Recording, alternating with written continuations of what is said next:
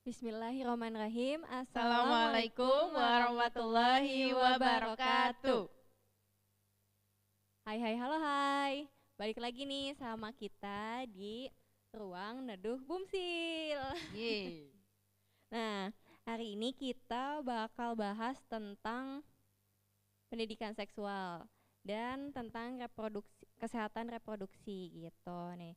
Nah, sebelumnya teman-teman kan kita minggu kemarin udah bahas nih tentang manajemen stres. Nah, kalau manajemen stres kan itu kaitannya dengan perkembangan emosional teman-teman nih. Nah, sekarang kita bakal bahas tentang perkembangan fisik, teman-teman. Nah, jadi kita bahas lagi nih ya. Remaja itu apa sih?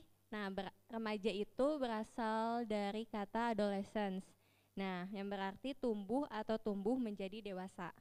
Nah, istilah adolescence adolescence ini punya arti yang lebih luas nih, yang mencakup kematangan mental, kematangan emosional, dan kematangan fisik. Nah, untuk mungkin usianya kita pakai yang dari WHO ya. Jadi ukuran remaja atau adolescent itu us- usia 10 sampai 19 tahun begitu. Nah, untuk selanjutnya gimana nih Bu Lista? Oke, sekarang tentang karakteristik remaja. Masa remaja yaitu masa topan, badai, stres, pokoknya masa-masa perjuangan banget deh. Di mana memang keinginan untuk menentukan nasib sendiri, periode perubahan pencarian identitas, dan juga masa transisi di masa remaja itu. Eh, masa transisi itu apa ya? Eh, masa yang terarah menjadi orang yang bertanggung jawab. Jadi dari masa anak beralih ke masa remaja itu masa yang merubah diri untuk menjadi orang dewasa yang lebih bertanggung jawab. Betul nggak? Betul sekali.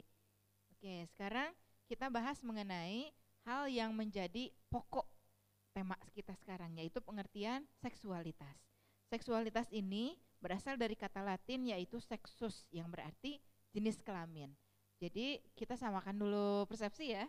Kalau ibu, bulis atau busap membicarakan mengenai seksualitas berarti membicarakan mengenai jenis kelamin. betul. Ya kita samakan biar nggak ke mana-mana pikirannya. Biar nggak melenceng ke yang negatif gitu ya. Iya benar.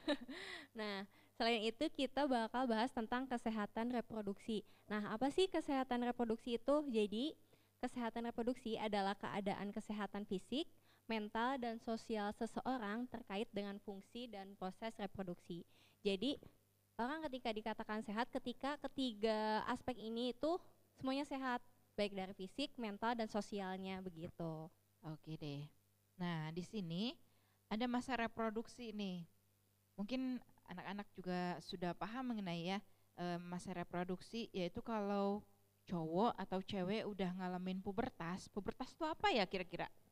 Beger. Beger, ya, jerawatan keluar gitu ya. Mulai suka sama, Sama cewek, suka jenis. sama cowok misalnya. Suka sama lawan jenis, berarti alat reproduksinya sudah mulai berkembang. Nah, udah mulai berproses serta berfungsi. Artinya, maaf-maaf kata nih ya, agak-agak ekstrim kalimatnya, cowok udah bisa menghamili, eh, cewek udah bisa hamil. Artinya, proses pro- reproduksi kita itu sudah berfungsi dengan baik. Sudah hampir sama dengan orang tua kalian, seperti itu ya. Oke, makanya kita harus tahu nih, eh, kita ngalamin masa reproduksi yang sehat agar kehidupan kita juga lebih sehat seperti itu. Pergaulannya juga lebih sehat. Sip. Betul. Oke deh. Nah, jadi kenapa sih kita perlu belajar pendidikan seksual sejak dini? Nah, mungkin di sini masih banyak yang tabu ya atau ngerasa asing tentang pendidikan seksual. Mungkin mikirnya malah seksual tuh ke hal yang negatif gitu ya Bu ya. Iya. Nah, eh, kayak misalnya malah ke hubungan intim mungkin kayak gitu. Mhm. Tapi yang kita bahas di sini bukan tentang itu ya. Jadi dalam pendidikan seks sendiri itu sebenarnya lebih luas cakupannya tentang anato- anatomi tubuh, higienitas, bahkan nilai-nilai yang tidak terpisahkan dari pendidikan akidah, akhlak dan tauhid kayak gitu. Oke, keren. Nah, di sini Bulis dan Busap pengen memberikan pengetahuan mengenai eh, sex education ini agar mencegah pencegahan yang terbaik agar tidak ada misinformasi atau ada hoak-hoak gitu ya mengenai sex education. Karena ternyata eh, banyak anak-anak, banyak remaja yang memang tidak mendapatkan pengetahuan Betul. mengenai sex education yang baik ini seperti itu. Banyak orang tua merasa risih membicarakan tentang sex Iya. education terhadap anaknya. Padahal sebenarnya ini penting banget, iya nggak? Betul kan? Setuju kan? Iya. Kalau misalnya pengalaman bulis dan busab memang tidak mendapatkan eh, sex education dari orang tua, tidak langsung misalnya, eh, ya alhamdulillahnya ada di sekolah, ada di organisasi. Tapi kalau orang-orang di luar sana yang taunya dari cari tahu sendiri, mending kalau itu positif. Kalau negatif, kita jadi ke terjerumus pada pergaulan yang negatif, kan amit-amit ya, nauzubillah seperti itu. Makanya pentingnya pendidikan seksualitas ini sejak dini, sejak masa remaja sekarang, agar kalian juga lebih bisa menjadi penguat untuk mental kalian, penguat untuk sisi psikologis kalian dan pergaulan kalian ke depannya. Iya. Terus berdasarkan penelitian juga di Indonesia ada 80% Bu nih presentasinya yang tidak mendapatkan pendidikan seks sejak dini. Banyak ya? Iya betul. Nah akibatnya ketika tidak dapat pendidikan seks sejak dini ini, mungkin anak-anak jadi nge-explore sendiri gitu ya Bu ya. Iya betul Mm-mm. betul. Nah, dengan ekspor sendiri ini kan kita belum tahu ya itu benar atau enggak eh, teruji kebenarannya atau enggak kayak gitu. Makanya diperlukan nih pendidikan seks sejak dini. Nah, lalu pendidikan seks juga membentuk benteng diri anak. Jadi diharapkan pendidikan seks ini dapat membentuk pondasi yang kuat biar teman-teman bisa nih ngambil keputusan seputar seksualitas di masa yang akan datang. Jadi mencegah perilaku seks bebas dan pelecehan seksual. Jadi karena udah bah- udah paham nih gimana eh, organ intim mana yang harus dijaga, yang harus dirawat kayak gitu. Betul, Terus iya. perlakuan seperti apa yang semestinya mm, diterapkan oleh kita gitu untuk menjaga diri kita sendiri gitu. Sip banget. Nah, itu pentingnya sex education.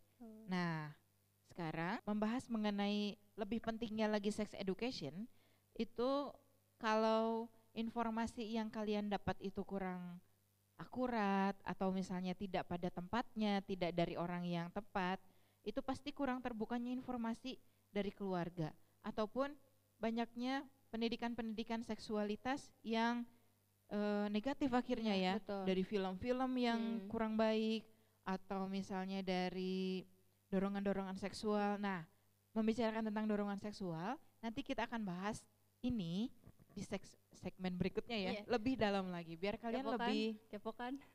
kepo lagi, lebih kangen sama kita seperti itu. Nah, lanjut lagi? Ya, jadi kan banyak bukti nih yang mendukung bahwa pendidikan seks mampu menurunkan tingkat keterlibatan dalam berhubungan intim kayak gitu. Jadi mengurangi em, adanya seks bebas gitu Bu. Jadi Iya betul. nanti kita bahas di se- selanjutnya. Di Nih. selanjutnya. Oke deh. Nah, sekarang apa sih akibatnya seks pranikah? Aduh ngeri banget ya kalau Hmm. itu terjadi. Tapi semoga anak-anak ibu kita semua, keluarga kita terhindar dari seks eh, negatif ya, seks pranikah. Mm, Artinya belum nikah sudah melakukan hubungan seksual. Apa yang membuat eh, negatifnya? Negatif semua lah ya. Iya negatif Tentunya. semua. Mungkin ini ada salah satu penelitian dari WHO. Jadi WHO memperkirakan lebih dari 340 juta kasus baru penyakit menular seksual terjadi setiap tahun. Nah, ini tuh timbul akibat seks pranikah itu sendiri, Bu. Oke. Nah, belum lagi penyakit-penyakit Mm, tadi sudah dijelaskan oleh Bu Sab. Tentunya kalau terjadi eh, hamil di luar nikah itu yang eh, apa ya, yang berimbas negatifnya belum keluarga menjadi malu. mm. Kalian masa depannya menjadi lebih apa ya karena Terbatas banyak mungkin terbatas ya. karena Mm-mm. banyak beban, Iya. banyak eh, tanggung jawab. Mm-mm. Ketika misalnya sudah hadir anak di usia remaja seperti kalian, apalagi eh, itu hasil dari pra- pranikah, Mm-mm. itu tanggung jawabnya lebih berat karena ada sanksi sosial, Iya, betul kan? Betul, betul Karena banget. Di Indonesia, di kita ini masih asing banget ya, Mm. karena kita masih apa ya eh, budayanya budaya ya di Indonesia yang memang tidak memperbolehkan itu semua. Beda kalau di negara lain ya, yang itu semua boleh boleh saja. Nah kalau di kita itu sama sekali nggak boleh. Yang bisa nimbulin apa ya? Jadi tekanan sendiri gitu ya Bu ya, Iya, betul. buat baik keluarga maupun kitanya sendiri gitu. Mhm. Belum lagi penyakit ya. Penyakit Nah. apa aja nih? Nah, penyakitnya ada banyak nih. Ada gejala umum penyakit menular menular seksual. Yang pertama, alat kelamin terasa gatal dan terbakar. Hmm. Lalu ada benjolan, luka atau lepuhan di sekitar alat kelamin. Aduh ngeri banget ya. Iya. Terus keluar cairan dari alat kelamin, nyeri, nyeri perut bagian bawah, demam dan menggigil. Terus nyeri ketika buang air kecil atau berhubungan intim dan masih banyak lagi penyakit-penyakitnya gitu, Bu. Dan itu semoga tidak terjadi ke kita ya. Amin. Oke deh, sampai di sini dulu nih anak-anak. Kita akan bahas selanjutnya di segmen berikutnya yang lebih seru lagi. Di episode 2. Episode 2. Stay tune. Terima kasih. Assalamualaikum.